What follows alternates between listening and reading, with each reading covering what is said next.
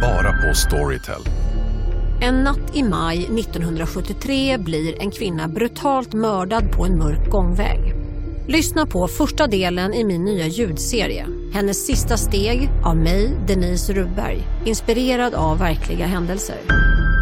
Bara på Storytel. Demideck presenterar Fasadcharader.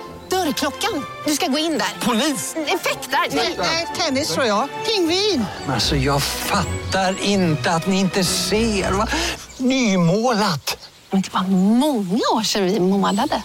Demideckare målar gärna, men inte så ofta. Hej och välkomna till ett nytt avsnitt av podcasten Billgren Wood med mig Elsa Billgren. Och med mig Sofia Wood. Idag är det ju dags för ett av de här lite mer personliga avsnitten som Mm. vi stoppar in mellan trendspaningarna. Jag tycker att det känns härligt och mysigt. det är Mm, också skönt för då slipper vi förbereda oss så mycket. kan vi bara spontant kasta oss in i poddstudion när vi har feeling. Ja. Och idag kommer det handla om ett ämne som berör de allra flesta, tänker jag.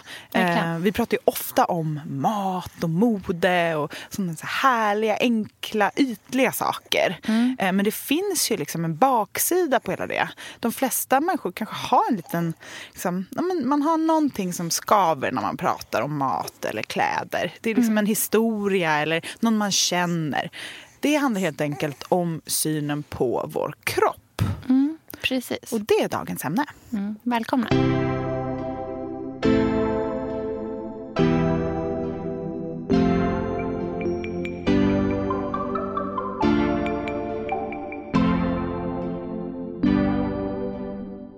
Jag minns ju när jag var tonåring och stod och speglade mig och liksom tyckte jag bara, alltså jag är så fin. Du vet, det är sant. Men vi har aldrig haft så fina hibiskusar som under de åren när jag hällde de där näringsjuicerna rakt ner i, i, i blomsterjorden. Den där lilla, lilla känslan av att så här, om jag bara hade lite längre ben.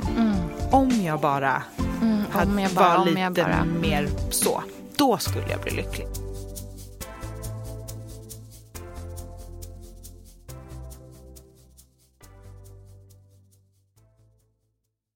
Jag tycker att det här är ganska svårt att prata om, även om jag är väldigt peppad på att prata om det också. Mm. Eh, för det känns, jag tycker att det är viktigt att prata om det här. Att det kanske inte alltid är det, liksom, det svåra med kroppen på något sätt. Mm. Och att det inte alltid är oproblematiskt. Och för mig har det verkligen eh, varit en ganska skumpig färd att ta mig dit jag är idag. Mm. Eh, med hur jag ser på mig själv och hur jag mår i mig själv och sådär. Så att det ska bli spännande att prata om. Vi har inte pratat så mycket om det här tidigare Nej. ens som vänner. Nej. Eh, så att det ska bli spännande att prata om det här för första gången tycker jag. För det är liksom ingenting som vi har så här, jag vet inte riktigt vart du står i allt det här. Nej. Och liksom, så jag är faktiskt nyfiken på det. Nej, men det är ganska kul. Jag brukar ju, eller jag får ofta frågor om min syn på min kropp Mm. i min blogg. Det är ju någonting som verkligen har varit ett så här återkommande ämne. Mm. Varför Eh, tror du att det är så då? För att jag inte är storlek 34. Mm. Eh, och jag började ju blogga 2008 Ja. när det fanns väldigt få liksom, bloggare att identifiera sig själv med. Mm. Och de som fanns var, ja, det var mycket modebloggare Mm. som stöptes i en form som modeller ser ut Mm. för att liksom, visa upp kläder i en viss passform och sådär. Mm. Och jag har ju Alltså jag vet ju egentligen inte, jag vet ju inte vad jag väger. Jag vet hur lång jag är. Mm. Men om jag skulle klä mig i nya kläder så skulle jag säga att jag drar en storlek 42. Mm. Så jag ligger liksom precis på gränsen mellan att accepteras in i retail-världen men också på gränsen att liksom klassas onormal. Alltså tjock, stor, för stor. Hela tiden liksom legat där på gränsen mellan liksom att vara normal och inte normal. Och jag tror att det är många människor som känner att de ser ut som jag och kanske tampas med de tankarna. Att behöva forma sig till någonting som... Så att man liksom kliver in i den där 34 till 42 ration som finns liksom, när man köper kläder. Det som anses vara okej på något sätt. Att inte vara utanför den eh, kretsen. Och att man kanske på något sätt vill... Man undrar hur jag... För jag posar ju väldigt så här, inbjudande och peppande dämpat. Och jag, men du jag slår- utstrålar ju kanske att jag älskar min kropp. Ja, och att du har självförtroende framför allt. Att Ja. det inte är någonting som du funderar över ens. Nej. Har det alltid varit en liksom, storlek 42 och känt dig Jag du känner föddes dig och var idag? storlek 42. Nej, men som du känner dig med det idag? Ja, alltså liksom. jag har ju alltid varit en knubbig unge. Mm. Eh, och jag har ju vetat ända sedan jag typ förstod att jag finns. Att Mm. jag inte är smal som de andra i klassen. Mm. Man ska säga. När man är liten så har man ju bara sin lilla, den lilla klicken Mm. eh, som man umgås med och jämför sig med. Och det kanske är fyra kompisar. Och sen blir det en klass. Eh, man ser ju inte så mycket utanför det. Och jag har alltid varit störst och då är jag inte särskilt stor. Nej. Så för mig har det alltid varit liksom försöka dölja att jag är stor och försöka eh, låtsas vara normal, om man ska säga. Så att det är ju en väldigt liksom, sorglig start i livet. verkligen. Eh, och det kan man ju fundera på vad det kommer ifrån, för det är ju ingenting man har inom sig som barn, utan det är ju någonting som man får lära sig. Och det är ju genom liksom, tidningar, jag är, upp, jag är så här Veckorevyn och Frida-generation. Hur reklam på gatan såg ut på den tiden. Ja. Det fanns ju inga liksom, body positive människor att Nej. stötta sig vid. Utan det var ju bara liksom, det där vanliga, Mm. vanliga idealet. Men jag har alltid haft väldigt gott självförtroende. Mm. Grejen är ju så här, jag, vet inte om jag, jag pratar ofta om det här, kanske i bloggen, jag vet inte om jag gör det här. Men att jag kommer från en så här super grandiositetsgen. Min farmor är ju verkligen så här... Ah, vi är bäst, den här släkten är bäst. Alltså hon är ju så tysk. Eh, verkligen som man kan tänka sig en tysk 30-talist. Eh, och det har ju gått till min pappa och suddats ut lite, men väldigt starkt. Och därifrån till mig. Och jag försöker liksom att inte vara ocharmig och egocentrisk och liksom Men plocka de positiva delarna. men det försöker liksom. plocka det positiva och liksom försöka se mig själv som en så duglig människa. ja. Så som jag är. Ja. Eh, Så jag har alltid älskat att stå på scen och synas och ta plats och höras och ehm, uttrycka mig och tycker att det jag har att säga är värt någonting och sådana saker. Det har jag Mm. alltid fått höra att det är. Så att det har på något sätt smittat av sig på hur jag ser på min kropp. Men alltså, jag minns en grej så tydligt när jag eh, gick i sjuan. Jag var kär i en kille som hette Zacharias som bodde på Villagatan och spelade piano. Och var liksom den snyggaste killen. Och vi pratade i telefon hela nätterna i timmar. Och jag var så kär. Och jag kommer liksom ihåg hur mamma kommer in med telefonräkningen. Och bara Elsa! Vad gör du om nätterna? Det liksom, du kan inte prata så länge i telefon. Men jag var så kär. Och det var på den tiden när liksom kärlek behövde inte hända något. Man var bara, man byggde sin egen relation i Just det. huvudet på Ja. något sätt. Och sen så till slut kände jag att det här behöver liksom ta ett steg framåt. Vi behöver bli ihop.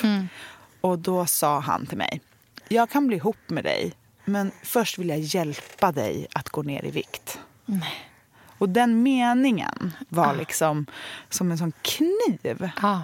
Som att det var något jag behövde hjälp med för att förtjäna kärlek. Det blev så himla tydligt. Och då går jag så sjuan och jag tittar på bilder på mig själv från den här tiden. Så jag är så smal och så ung och så liten. Och behöver verkligen inte höra från en äldre kille som jag är kär i att, jag, att han kan hjälpa mig. Undrar, jag vet inte riktigt hur han skulle hjälpa mig göra det. Nej, väldigt oklart. Väldigt oklart på många sätt. Men det fastnade. Verkligen.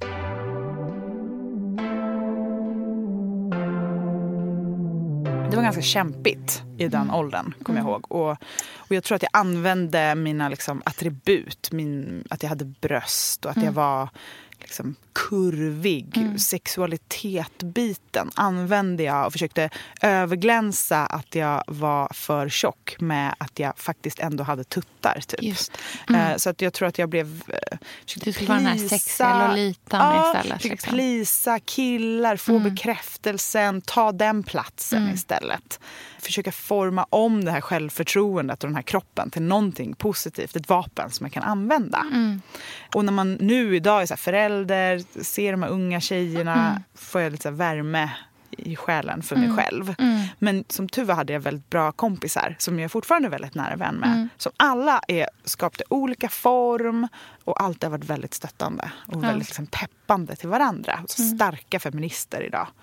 Eh, så det har ju varit så här, skönt att jag har så himla bra kompisar så att de här killarna kan vara douchebags och så kan man ändå få stöttning. Mm. Att det behöver de liksom som- inte knäcka en. Nej. Mm. Eh, Men sen så kan jag säga så här att jag har med åldern insett att, att, att jag inte är en storlek 34 är en av mina största styrkor. Mm. För jag eh, är inte som alla andra som har tagit plats i media. Nej. Och det är någonting positivt. Mm. Och sen så har jag lärt mig så himla mycket om kvinnokroppen eftersom jag har lärt mig strunta i storlekar och sådana saker. För det har liksom inte funkat för mig. Nej, just det. Alltså Med ditt vintageintresse också. Ja, men precis. Mm. Det, då har man fått lära sig hur midjan är, hur Mm. höften är, hur bysten är, hur armen är.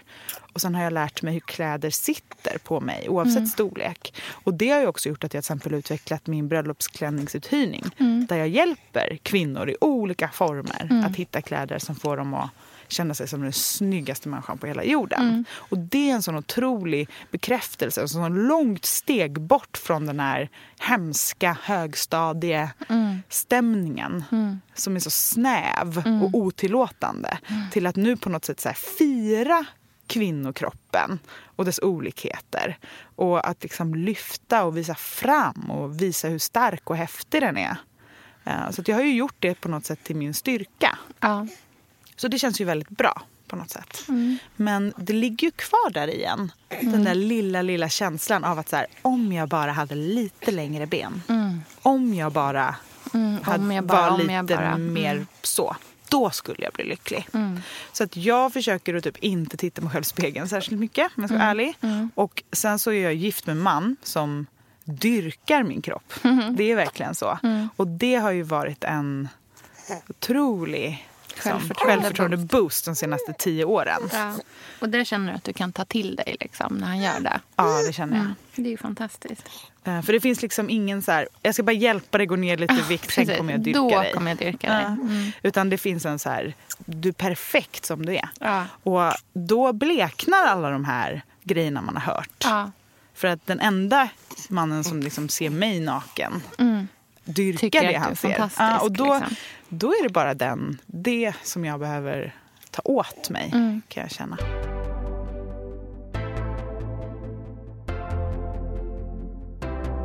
Sen så tycker jag också att det har hänt ganska mycket med branschen. Eller jag försöker liksom... Jag känner, man får sån dålig smak i munnen när man känner att reklam är, är begränsande. Mm. Och det känns så bra när den är inkluderande. Och det är som att vi är på väg åt det hållet. Mm. Eh, och idag tycker jag inte att jag sticker ut särskilt mycket. Nej. Så som jag gjorde förut. Och det är ändå någonting som har hänt på de här tio åren. Mm. Men du då Sofia, du har ju hintat lite under, du har nämnt någon gång under tiden vi har poddat att du har haft ätstörningar när du var yngre. Mm. Kan inte du berätta lite mer om det? Jo, jag har nog aldrig haft ett så här, eh, speciellt liksom, kroppssjälvförtroende eh, överhuvudtaget. Jag har också alltid känt mig liksom, eh, lite apart. Jag eh, är 1,77 lång och har inte vuxit en centimeter sedan jag var 14 år gammal. Nej. Så jag stack iväg tidigt i, i längd. Eh, och var liksom, jag hade Maja Andersson som gick i samma klass som mig. Hon var ett par centimeter längre. Men vi var de där två liksom, långstångarna som stod längst bak på klassfotot. Och jag hade väldigt dålig kroppskontroll och liksom, du vet, långa ben, långa armar. Allting bara flängde. Liksom. Snubblade jämt. Fyra hjärnskakningar på ett och samma år. Alltså, det slog ut framtänderna. Allt. Väldigt liksom, stökig eh, på det, så, i kroppen. Liksom, hittade inte fram i kroppen.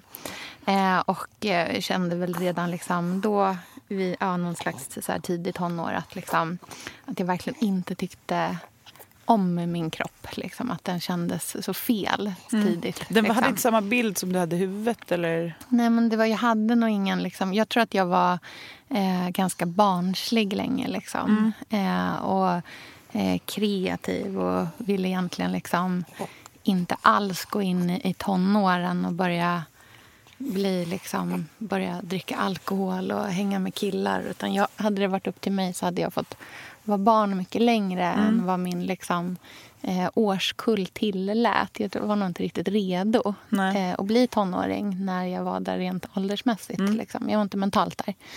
Så att jag var nog ganska obekväm i den liksom, tidiga vuxendomen på något sätt. Mm. Sådär. Eh, och trivdes inte med min kropp då.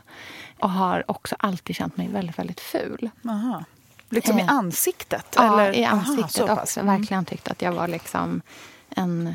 Jag hade eh, stor glugg mellan framtänderna och bara så här, ja, men bara känt mig som en väldigt oattraktiv person helt Mm. Men har ju haft andra saker som har varit mina styrkor. Liksom. Och en av de så stora tryggheterna som jag har haft i mitt liv har ju varit min eh, mamma. Eh, vi är jättenära varandra. Och jag har alltid känt att jag har haft en väldigt så här, trygg bas i min familj. Och med min, liksom, det, vi har ju varit tre. Det har varit min mamma och min lillebrorsa och jag. Och min pappa har ju liksom inte bott i, i Sverige. Utan det, liksom, det var det var, det var liksom vi tre. Och det var, eh, jag har haft en enorm trygghet i det. Men sen så har jag ju i perioder eh, eh, bott hos min pappa och eh, liksom, ja, bott i Australien och sådär. Eh, och då eh, var det ett år när jag skulle bo där ett helt år eh, som var i den här ganska liksom, känsliga perioden. Eh, när jag var jag tror jag var 15 och skulle fylla 16 det året. Och skulle bo där det året. Och eh, eh, flytta dit. Och det blir inget bra. Nej. Det blir liksom inget bra mellan mig och min pappa. Nej, jag fattar. Eh, och eh, den där liksom tryggheten som jag hade i liksom mitt hem fanns ju inte där då. Nej. Och då tror jag att lite, allting rämmade lite. Och den stabiliteten som jag tidigare hade haft hemifrån men som inte hade i mig själv fanns inte där heller. Och då blev mat mitt sätt att försöka hitta någon slags kontroll och ordning i eh, en tillvaro som var väldigt kaotisk. Ja. Så att det handlade egentligen inte om... Från början handlade det inte alls om att jag ville gå ner i vikt och bli smalare. Utan det handlade om kontroll, verkligen. Bara kontroll.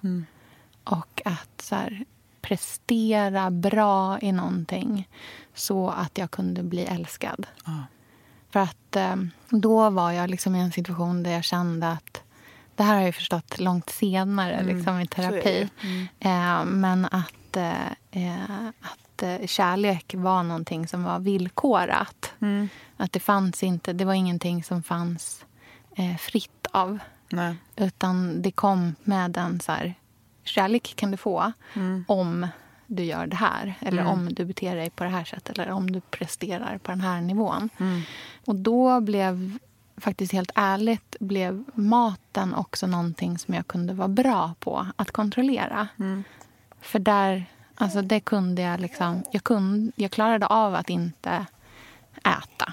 Så att det var åtminstone någonting som jag lyckades med. Så att det var, ja, men det, är liksom, det är ju helt ologiskt såklart. Ja, Men- fast det är nog liksom- många som känner igen sig i det, tror jag. Ja, och det är en, så här, en, en tonårshjärna. Liksom. Så här, det här är ju en väldigt omogen person som, eh, som, som resonerar. Liksom.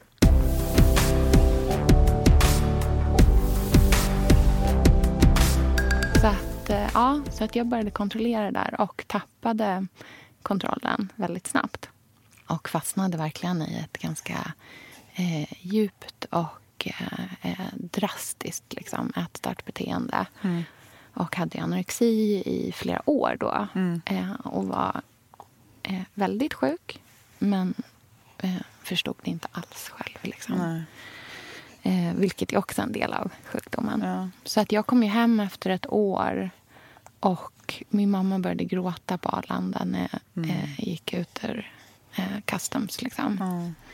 F- Och jag förstod ju ingenting. Mm, hon måste känna ing- skuldkänslor Ja, då. Att hon har liksom ja, skickat jätte- bort dig till ditt eget öde på något sätt. Mm, Verkligen. Eh, och eh, det var ju väldigt drastiskt. Det finns nästan inga bilder på mig från den här tiden. För jag kände mig så fruktansvärt fet också. Så jag ville inte vara med på några bilder heller.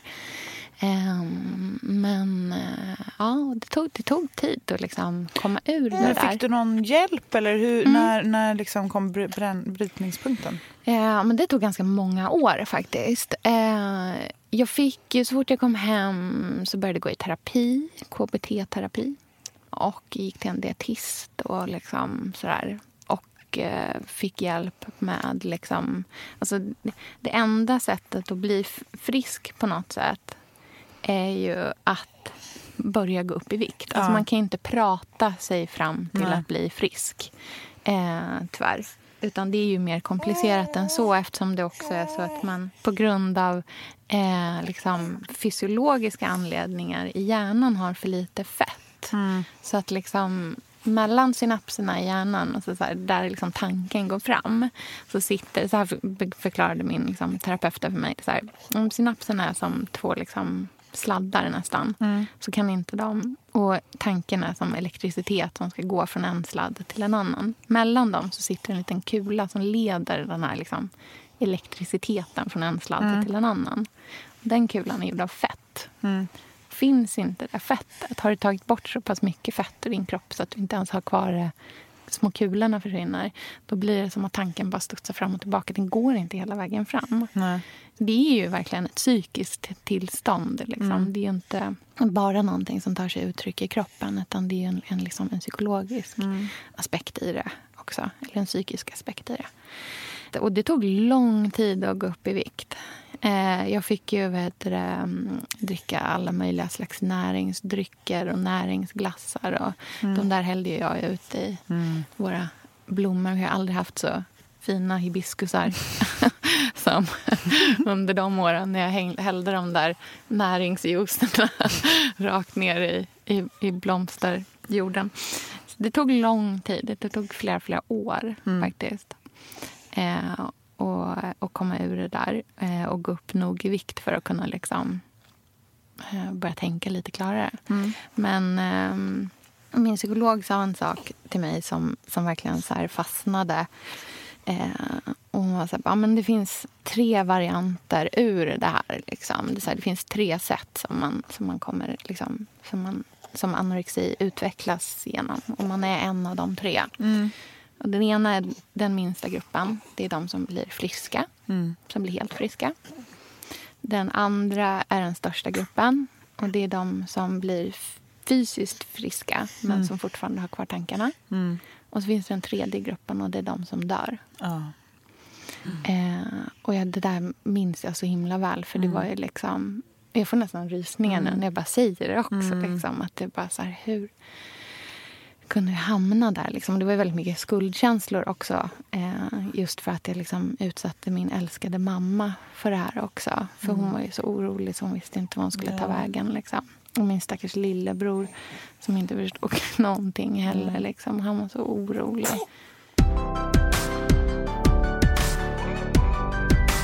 Ja, nej men så det, var, det, var, det var verkligen tuffa år. Men med eh, KBT-terapi och sen samtalsterapi och dietist och matträning och olika hjälpmedel eh, så, eh, så blev jag ju frisk till slut. Eh, och jag skulle säga att eh, jag... Elsa, vi är ju sponsrade av Bosch. Älskar. Älskar att vi båda nu har varsin serie 6 köksmaskin. Det har varit hembakt morgonbröd hela veckan. Det är det lyxigaste jag kan tänka mig. Är inte det en god barndom, så säg. Ja, alltså, om det här inte är idyllen. Men grejen är så här. Jag vill ju ha alla de här sakerna. Jag vill ha nybakt, hembakt bröd på morgonen. Ja. Men just nu i mitt liv så är det mycket som får stryka på foten. För att jag har inte tid. Men med den här otroliga maskinen så hinner jag baka bröd. Den sköter liksom allting själv. Jag behöver inte ens knåda. Jag sätter på den och den gör knåderörelserna åt mig. Alltså, serie 6 har ju sju stycken sensordrivna automatiska program. Ja, det När är jag hör den hör meningen, det. ja, då känner jag så här, jag kan inte misslyckas. Nej! Den, alltså, degen blir perfekt. Mm. Det är som att jag har lagt ner jättemycket tid och energi på det här brödet, när det jag har gjort är att hälla saker i en skål och trycka på en knapp. Underbart. Mm. Nej, men man bakar ju som ett proffs och jag tycker om att baka enkla grejer och de Ja. blir ännu enklare med Bosch serie 6. Alltså, jag har ju haft Bosch i mitt liv ganska länge, Mm. och speciellt på landet. Så för mig är det förknippat med att det blir gott, det är mysigt Mm. och det är tryggt för det blir riktigt bra varje gång. Man väger ju också sakerna direkt i skålen, så det blir Mm. inte tusen olika saker som måste diskas och som är krångligt. Det är verkligen sänka ribban. Men Bosch har ju tänkt ut vad vi skulle kunna misslyckas Ja. med och eliminerat de faktorerna så att det blir bra varje gång. Och Man kan ju också prova hemma i 100 dagar Mm, med fri returrätt. Och Ja. Så att Bosch vill ju verkligen att vi ska vara nöjda med produkten. Det är väldigt bra att man kan få testa på hemma så Ja, att man kan vara verkligen. extra säker på att det funkar. Mm. In och läs mer om Bosch köksmaskin serie 6 och köp den hos Power. Mm, tack Bosch. Tack! Sofia, vi har ju den stora äran att Mm. jobba tillsammans med Krav. Mm. Det är Det- så fantastiskt att de sponsrar den här podden tycker jag. Mm, det, jag är så stolt över det. Jag är också väldigt, väldigt stolt. Mm. Kravmärkt mat, det är ju mat som produceras utan naturfrämmande bekämpningsmedel och som Mm. bidrar till en biologisk mångfald. Mm. Och jag väljer ju Krav när jag handlar för att jag vet att det blir bra i varje led. Ja. Från jord Mm. till bord. Mm. Det blir godare och det blir bättre för alla inblandade. Ja. Nu är det ju tiden för vårprimörerna. Mm. Nu börjar de allra första komma. Mm. Och när man köper kravmärkta vårprimörer, Mm. då är det som att man får smaka på våren så som den ska smaka på riktigt. Ah. Den första kravmärkta svenska sparrisen, Ah. det är en högtidsstund. Det är det. Och sparris som är kravmärkt, man ser det på primören. Den är grönare, den är knotigare, den har karaktär. Mm. Den är så god att Mm. äta rå. Mm. Det behövs inte mycket mer än Nej. lite smör och flingsalt och så har man en förrätt. Vet du vad jag gjorde faktiskt på kravmärkt svensk sparris?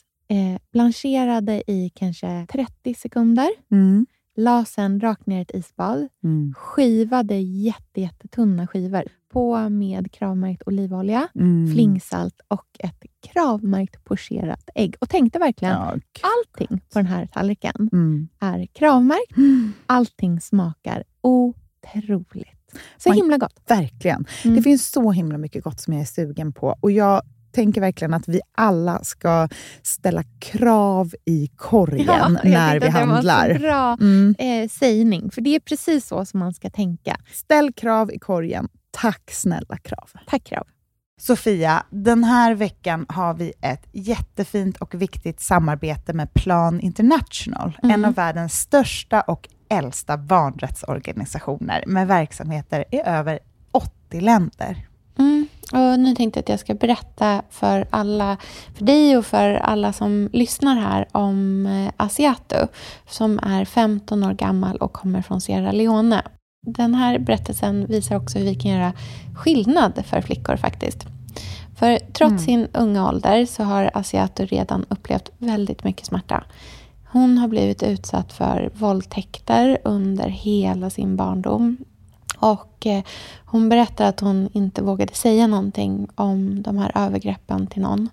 Och att hon därför inte hade någon runt sig som märkte något förrän hon blev gravid. 13 år gammal. Man är så liten Mm. när man är 13. Kan du tänka... Alltså jag, nej, jag, det är svårt att tänka Mm. sig att ett barn ska bli barn, mamma vid, i den Mm. åldern. Men tack vare Plan International så har hon fått stöd och bearbeta allt det här fruktansvärda som hon har varit med om under så många år av hela sin barndom. Och nu så är hon mer hoppfull inför framtiden igen.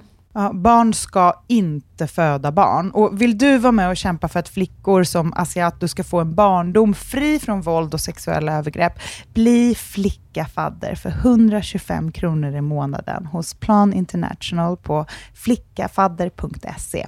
Eller om du hellre vill ge en engångsgåva så kan du swisha till nummer 900 14 70.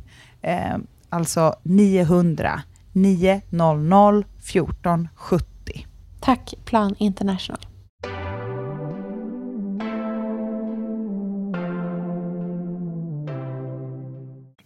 idag är liksom helt symptomfri. Men det är absolut att tankarna kan finnas Mm. där ibland ändå. Eh, men att jag har gått i så pass mycket terapi så att jag kan... Jag, se, jag ser mig själv när jag har en sån tanke och kan säga nu är det den där tanken som Ja. kommer. Och jag behöver inte agera på den. Men det betyder inte att tanken inte finns där. Nej. Eh, så jag blev väl den där andra Ja. gruppen, den stora gruppen. Liksom. Och eh, för mig har ju liksom så här, mat är ju en så himla stor del av vem jag är. Jag älskar mat idag. Eh, och det tror jag också handlar om, för mig, att det aldrig handlade om maten egentligen. Liksom, att det inte handlade om vikten. Det var inte därför som jag blev sjuk, utan det var bara mitt verktyg. Men det var liksom inte, det var inte liksom, ja, det var inte orsaken. Eh, så därför tror jag att jag kan fortfarande ha ett så här oproblematiskt förhållande till mat och till att äta.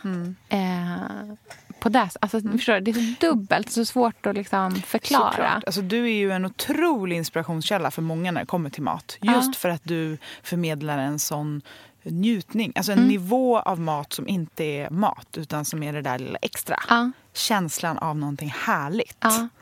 Och, för, och, vet du vad? Och vet du varför det är så? Det är för att för mig så är mat är liksom synonymt med omtanke och med kärlek. Och om jag tycker om någon, så vis, mitt bästa sätt att visa det på det är genom mat och laga mat eller eh, liksom bjuda på en middag. Eller, alltså du vet, så här, det, det är verkligen där jag plöjer ner mina känslor. Och då, kanske, då känns det väldigt naturligt att när jag kände att jag inte hade någon kärlek att det var då det som jag började kontrollera och ta bort också. Alltså, så jag tror att det hänger ihop. Det var därför som det blev maten. Det var därför som det inte blev träning eller något annat typ av liksom, så här, eh, OCD-beteende eller något sånt där. Utan, så för mig, för mig, maten är så nära sammankopplad till känslor. Liksom. Och att eh, ja, men jag är verkligen uppvuxen i en familj där det är så här med min mamma då, där det är så här, åh, är du glad? Bra, då ska vi äta det här. Är du ledsen? Då ska vi äta det här. är du trött? Då ska du få äta det här. det liksom alltid finns något sätt att så här, boosta eller läka eller eh, fira. Eh, att det alltid är liksom över bordet som man gör det. Därför är det viktigt. Men idag känner jag att jag helt lugn i det här med, liksom, med ätstörning. Jag är helt symptomfri. Jag har, det är ingenting jag lider av idag. Nej. Men eh, någonting som har varit den så största utmaningen för mig eh, i det och då faktiskt en av de få gångerna när jag varit så orolig att oj, kommer jag falla in i något beteende som kommer bli dåligt kring det här. Det har faktiskt varit eh, när jag varit gravid. Ja. För nu, ja, jag har ju tre barn nu. Och det har verkligen varit en sån sak som jag innan eh, var orolig för. Att, eh, att jag var rädd att jag skulle kanske bli sjuk igen. Av att, vara, att liksom gå upp så mycket i vikt och allt det som var min största skräck. Liksom. Eh, och med mitt första barn gick jag upp väldigt mycket i vikt. Eh, jättemycket. Och vart en sån här riktig... Ja, men en av de personerna som, som man är så här... Oj, men du akta så du inte går upp 30 kilo. Och bara, jo, men det gjorde jag. Eh, och eh, eh, det gick ändå bra. Men, eh, men det var ju inte utan att jag verkligen liksom, eh, funderade mycket kring det innan, hur det skulle kännas. Eh, och jag hanterade det bland annat genom att prata med min barnmorska om att jag hade haft anorexi. Eh, vilket också var någonting som hon var väldigt liksom, uppmärksam på då. Att så här, ha koll på liksom, hur allting gick och sådär. Eh, och eh, vanligtvis när man går upp 30 kilo under en graviditet så tycker jag att jag hör från många andra att de då kanske har fått höra från sin barnmorska att liksom, så här, du, nu börjar du liksom nu börjar du sticka iväg lite här för att man helst inte ska gå upp allt för mycket.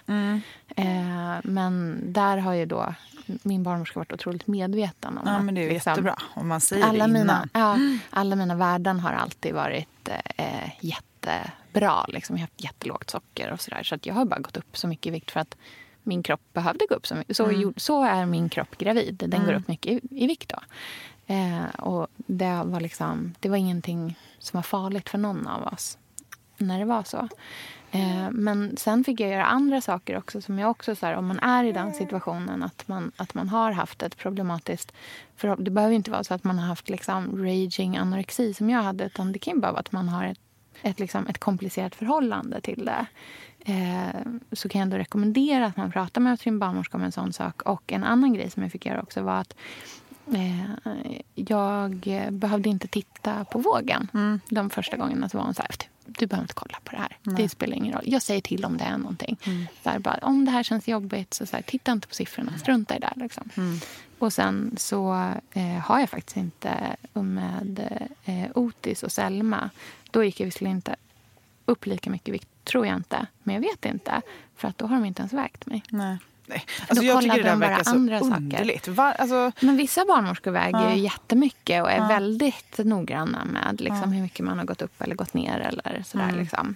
Eh, för vissa går ju också ner. Jag har ju även haft sån där eh, hyperemesis och då är det väl mest framförallt där de vill kolla att man inte heller går ner i vikt liksom, vissa veckor.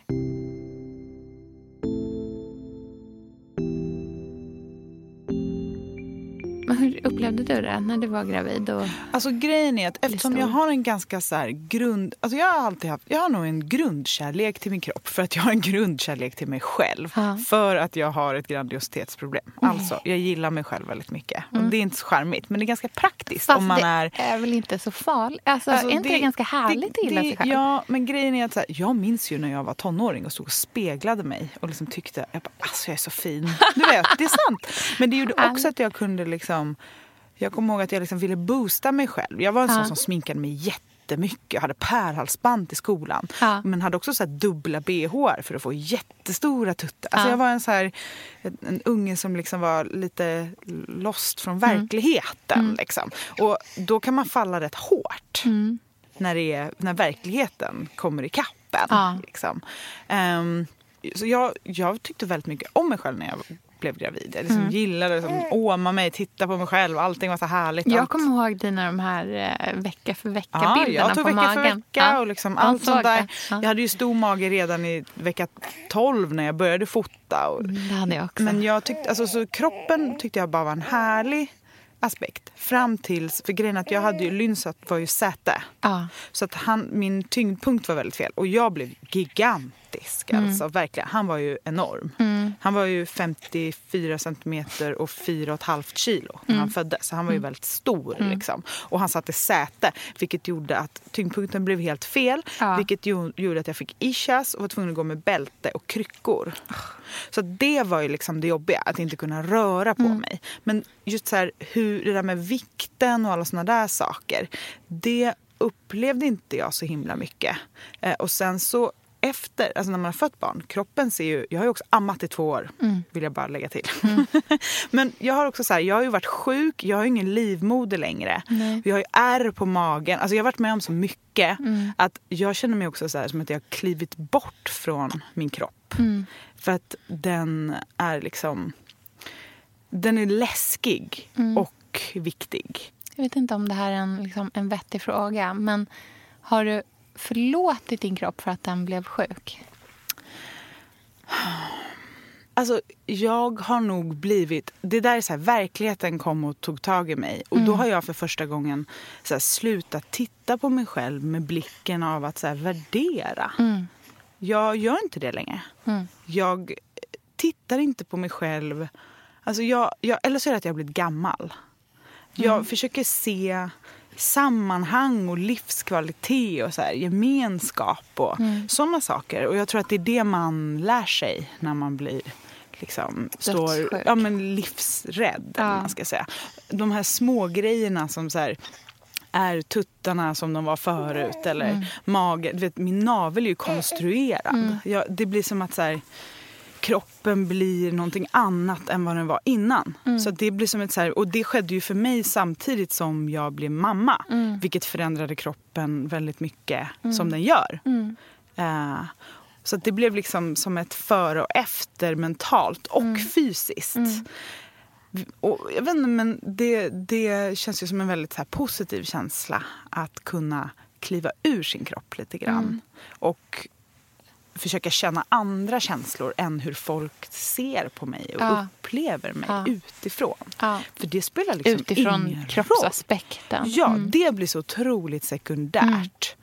Tycker jag. Både liksom med föräldraskap och sjukdom. Det blir så smått. Vet, skulle den där killen sagt till mig, så hade jag varit singel idag och träffat någon som jag skulle hjälpa dig gå ner i vikt. Det hade varit så främmande att kunna ta in de orden. Det händer så mycket i livet att kroppsångesten liksom försvinner med all annan ångest. höll Jag får säga. Men jag tror att det är, ganska, det är ganska skönt att åldras och få perspektiv och vara med om saker och se liksom sig själv som tonår, barn, tonåring, gravid, mamma, nyförlöst. Alla de där grejerna. Och vara förlåtande. Det gör att jag är så mycket snällare mot mig och alla runt omkring mig också när det kommer till det. Jag vet inte när jag dömde en kropp sist med Nej. min blick. Jag, jag kan inte minnas det. Nej, jag känner verkligen igen mig där också. Just den här känslan av att, så här, att inte ens se det längre Nej. som en faktor. Liksom. För mig har det verkligen varit så otroligt liksom, utvecklande. Inte bara utifrån det här perspektivet såklart, utan utifrån alla perspektiv. Men att, liksom, att bli förälder. Eh, för dels känner jag liksom genuint att det har gjort att jag inte bryr mig om kroppen eh, på samma sätt. Det har också gjort att jag... Nej, men dels att jag här, kan ömma för mig själv, min egna kropp, mer än vad jag någonsin har gjort tidigare. Och att jag också kan känna att den är bra. För att jag har klarat av de här ganska jobbiga graviditeterna. Alltså utifrån, liksom, inte utifrån att jag blivit stor utan utifrån att, att det har typ gjort ont och jag har spytt hela tiden. Ja. Eh, att det gick bra. Att jag har fått tre friska barn. Att jag har haft fantastiska förlossningar. Alltså jag har haft otroliga förlossningar. Som har varit liksom himla öppnande på något sätt. Att min kropp kunde det. Min mamma brukar säga när du har fött barn, då är inget liksom, tandläkarbesök. Nej. Alltså ingenting är någonsin jobbigt igen. Du kan alltid så här, tänka på när du födde barn Ja, och så exakt. blir det liksom bleknar det i Ja, jämförelse. Allt Verkligen. annat. Nej, men, och sen att det liksom så här, också så här, jag, jag ömmar så mycket för kroppen efter en, precis efter en förlossning. Hur Gud, den är så skör och man vill, alltså så här, jag, tycker så, jag, jag är så, så liksom, ja, jag ömmar för alla kvinnors så här, efter förlossningskroppar. Jag skulle bara vilja ge alla en varm kram. Liksom. För det är ju, det känns ju som att när man står där i duschen Ja. och det bara Och det är bara tejp kvar från så här, ryggmärgsbedövningen på Att det, ryggen. liksom, så här, det rinner blod och mjölk och tårar i en enda liksom, soppa. Och det är lappar på väggen där det står så här ta bort vattnet. Och Så står man där med en sån här skrapa på golvet. Samtidigt som det bara Som- sprutar ur sina så här, mjölkstasiga bröst och koagel och skit. Ja. Men Man vill bara så liksom, jag vill bara krama alla de där. Ja. Men framför allt så känner jag också så himla liksom... Jag har känt att jag har så stort ansvar i att skita i allt det där nu. För att jag har två döttrar också. Ja. Och det finns ingenting som jag är så rädd för som att jag skulle föra vidare genom någonting jag gör. De år av liksom, hemskheter som jag hade till, till någon av mina barn, till Otis också för den delen. Liksom. Den så här, psykiska terrorn som jag utsatte min familj för under de åren som jag var sjuk, om än inte liksom, med meningen. Nej. Det är ingenting. Jag vill inte utsätta mina barn för det.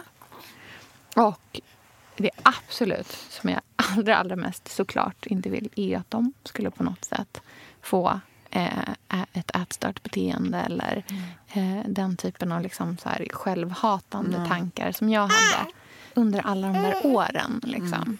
Men man kan ju trösta sig själv. För det är klart att man kan försöka vara så bra förälder som möjligt och liksom Ja. inte själv hata framför sina barn och sådana saker. Det är ju liksom... Eller inte självhata överhuvudtaget nästan. För Såklart. om det är någonting som barn plockar upp på Mm. så är det ju vad man egentligen tycker, inte vad man säger. Liksom. Men en grej, för det tänkte jag på, för det tycker jag hör ihop med det här ämnet, är att mina föräldrar har ju båda varit väldigt eh, träningstokiga. Och när du beskrev din mamma och den här liksom, jag har inte riktigt haft den tryggheten hemma. Nej. Utan för mig har det legat mycket i min, mina grandiositetsdrag. Men kanske därför som du har utvecklat det då? Ja, men kanske. För att men, hitta en trygghet i Men själv. också i mina vänner. Alltså mina Ja. nära vänner är så kroppsbejakande, mysiga, Mm. ärliga personer. Så att jag har liksom hittat det stödet där, att här, jag duger som jag är. Mm. Men jag, när jag tittat på min mamma så har det ju varit att hon börjar varje dag med en halvtimmes träningspass framför tvn under hela Mm. min uppväxt. Och att pappa, man måste träna så man inte blir tjock och alla Mm. såna där saker. Äta bra. Så det har ju, även om de aldrig har sagt till mig så här, Elsa du ligger på gränsen, Mm. du måste hålla dig i schack. Så har det alltid varit lite så här, vill du vara med? Eller, alltså, Mm. man, man märker att så här, träning det är positivt Ja. och väldigt positivt och det är också viktigt. Så därför har jag alltid hatat träning. Ja. Ja, men som ett så här, eftersom mina föräldrar inte haft ett hälsosamt syn på det har jag tyckt. Eller liksom, Det har inte varit enbart av njutning och godo. Utan det har varit så här, för att man ska. Och det Ja. är hälsosamt och det är nyttigt och det är viktigt och sådana saker. Den pressen har liksom inte bitit på mig. Då har jag, jag har bara inte känt att träning är för mig. Som att så här, jag kan inte. Och att min eh, eh, gympalärare i skolan som hette Ann Ahlstedt. Nej, Jo, på allvar. Ja, hon frågade om jag hade astma och sånt där när vi tränade för att jag var så dålig. Ja. Liksom. Men, så det satte ju spår. Men nu, och det var när jag blev gravid så började jag träna igen. För att jag, jag vet inte, på något sätt kände mig, jag ville vara stark. Mm. Och liksom. Jag har hittat till träningen nu som 30-åring Mm. och mamma. Och det är en sån underbar känsla. Mm. Att kunna träna, njuta av det och inte göra det för att det är så här nyttigt eller jag måste eller för att hålla mig på en bra kroppsnivå och såna där saker. För att jag vet att man kan bli sjuk och gå ner 10 kilo för att man inte kan äta. Man kan liksom gå upp jättefort för att man slutar amma. Alltså det är så mycket grejer som händer med kroppen. Att, att det kontrollen är liksom aldrig bra. Nej. Utan den känslan av att så kunna springa och bli bättre och ha den egen stunden och känna att så här, jag har tagit tillbaka träningen som något som är mitt. Det tycker jag är en så härlig grej. Så även om det var ganska många år av paus för att mina föräldrar utstrålade någonting som, så är det ändå så här, nu jag är vuxen, nu har jag min egen värld. Jag har upplevt mina egna sorger och glädjeämnen och jag har liksom hittat träningen. Och det är en ganska skön grej att tänka på i och med föräldraaspekten menar jag. Att så här, även om vi inte är perfekta och vi kanske har våra demoner och sådär så kan man liksom klara sig ändå. Verkligen. En sak som har betytt mycket för mig på ett sätt liksom, eh, har varit det som har varit min så här, största utveckling med maten eh, under de senaste åren är att jag har egentligen gått ganska mycket ifrån det där som jag liksom fick lära mig av dietisten, av liksom så här tallriksmodellen. Och, man, men, och det, då behövde jag det för att jag förstod inte, jag kunde inte i min hjärna förstå hur mycket man faktiskt behövde äta för att det skulle vara en rimlig portion. Liksom. Men någonting som jag liksom utövar aktivt idag som, liksom ligger, som en, hänger ihop med den här glädjen kring mat som jag har och kärleken till mat det är att jag försöker jobba med någonting som, som kallas för mindful eating. Och Det handlar väldigt mycket om precis som mindfulness, om att här, vara i stunden och att liksom uppskatta den och inte vara någon annanstans i hjärnan. Det, dels handlar det om eh, att, så här, att vara närvarande under tiden som jag äter. Att inte liksom, du vet, sitta och titta på tv samtidigt. eller något sånt där helst. Men framför allt handlar det väldigt, för mig handlar det väldigt mycket om vad jag äter, vad jag är sugen på att äta. Och att, så här, att liksom äta det som kroppen vill ha. Och för mig så är det oftast liksom bra mat, sånt som är bra för kroppen att äta. Men det kan också vara liksom en paj på karamelliserad mjölk och banan och valnötter. Men det kan också vara liksom en så här grönsaksbowl eller eh, lax eller vad som helst. Liksom. Men oftast är det ju bra mat. Men, eh, och det tycker jag är så härligt Att, så här, att verkligen lyssna på kroppen och så här, ge det som den vill ha. För att kroppen liksom vill ju dig väl på något sätt. Och att så här, bli, bli vän med den och Mm. att liksom klappa på sig själv och ge, liksom, boosta kroppen på det sättet Mm. eh, har för mig varit ett jättebra sätt att liksom bli mer kompis med mig själv. Mm. För att jag skulle inte kunna liksom stå framför en spegel och vara så här, fan snygg jag är." Nej. Eh, för det kan inte jag lura fram. För det har inte jag i mig, liksom, den känslan. Eh, men däremot så kan jag liksom tycka om mig och min kropp. Och ge det som den vill ha, liksom, på det sättet.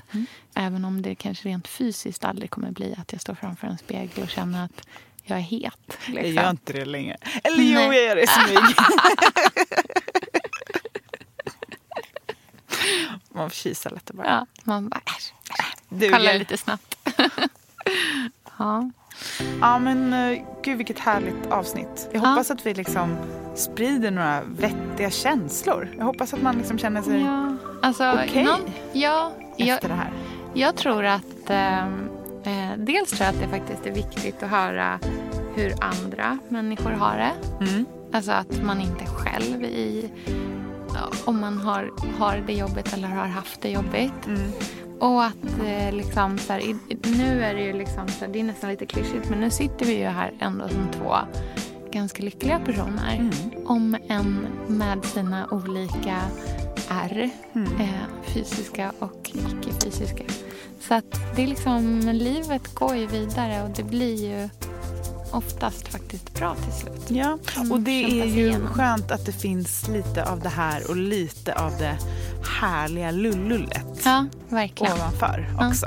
Precis, man behöver faktiskt både och. Mm. Men eh, tack för den här veckan. Tack Elsa. snälla för att ni lyssnar. Mm. Och följ gärna oss på Instagram, Ja. på Billgren Wood. Mm. Där kan ni också skicka DM till oss och peppa, ge kärlek, berätta er historia eller Mm. önska ämnen. Ja, det är Mm. så roligt. Jag älskar när ni skriver. Nästa vecka blir det en redig trendspaning. Ah, så Mm. peppad. Så lyssna då. Mm. Vi hörs. Hej då!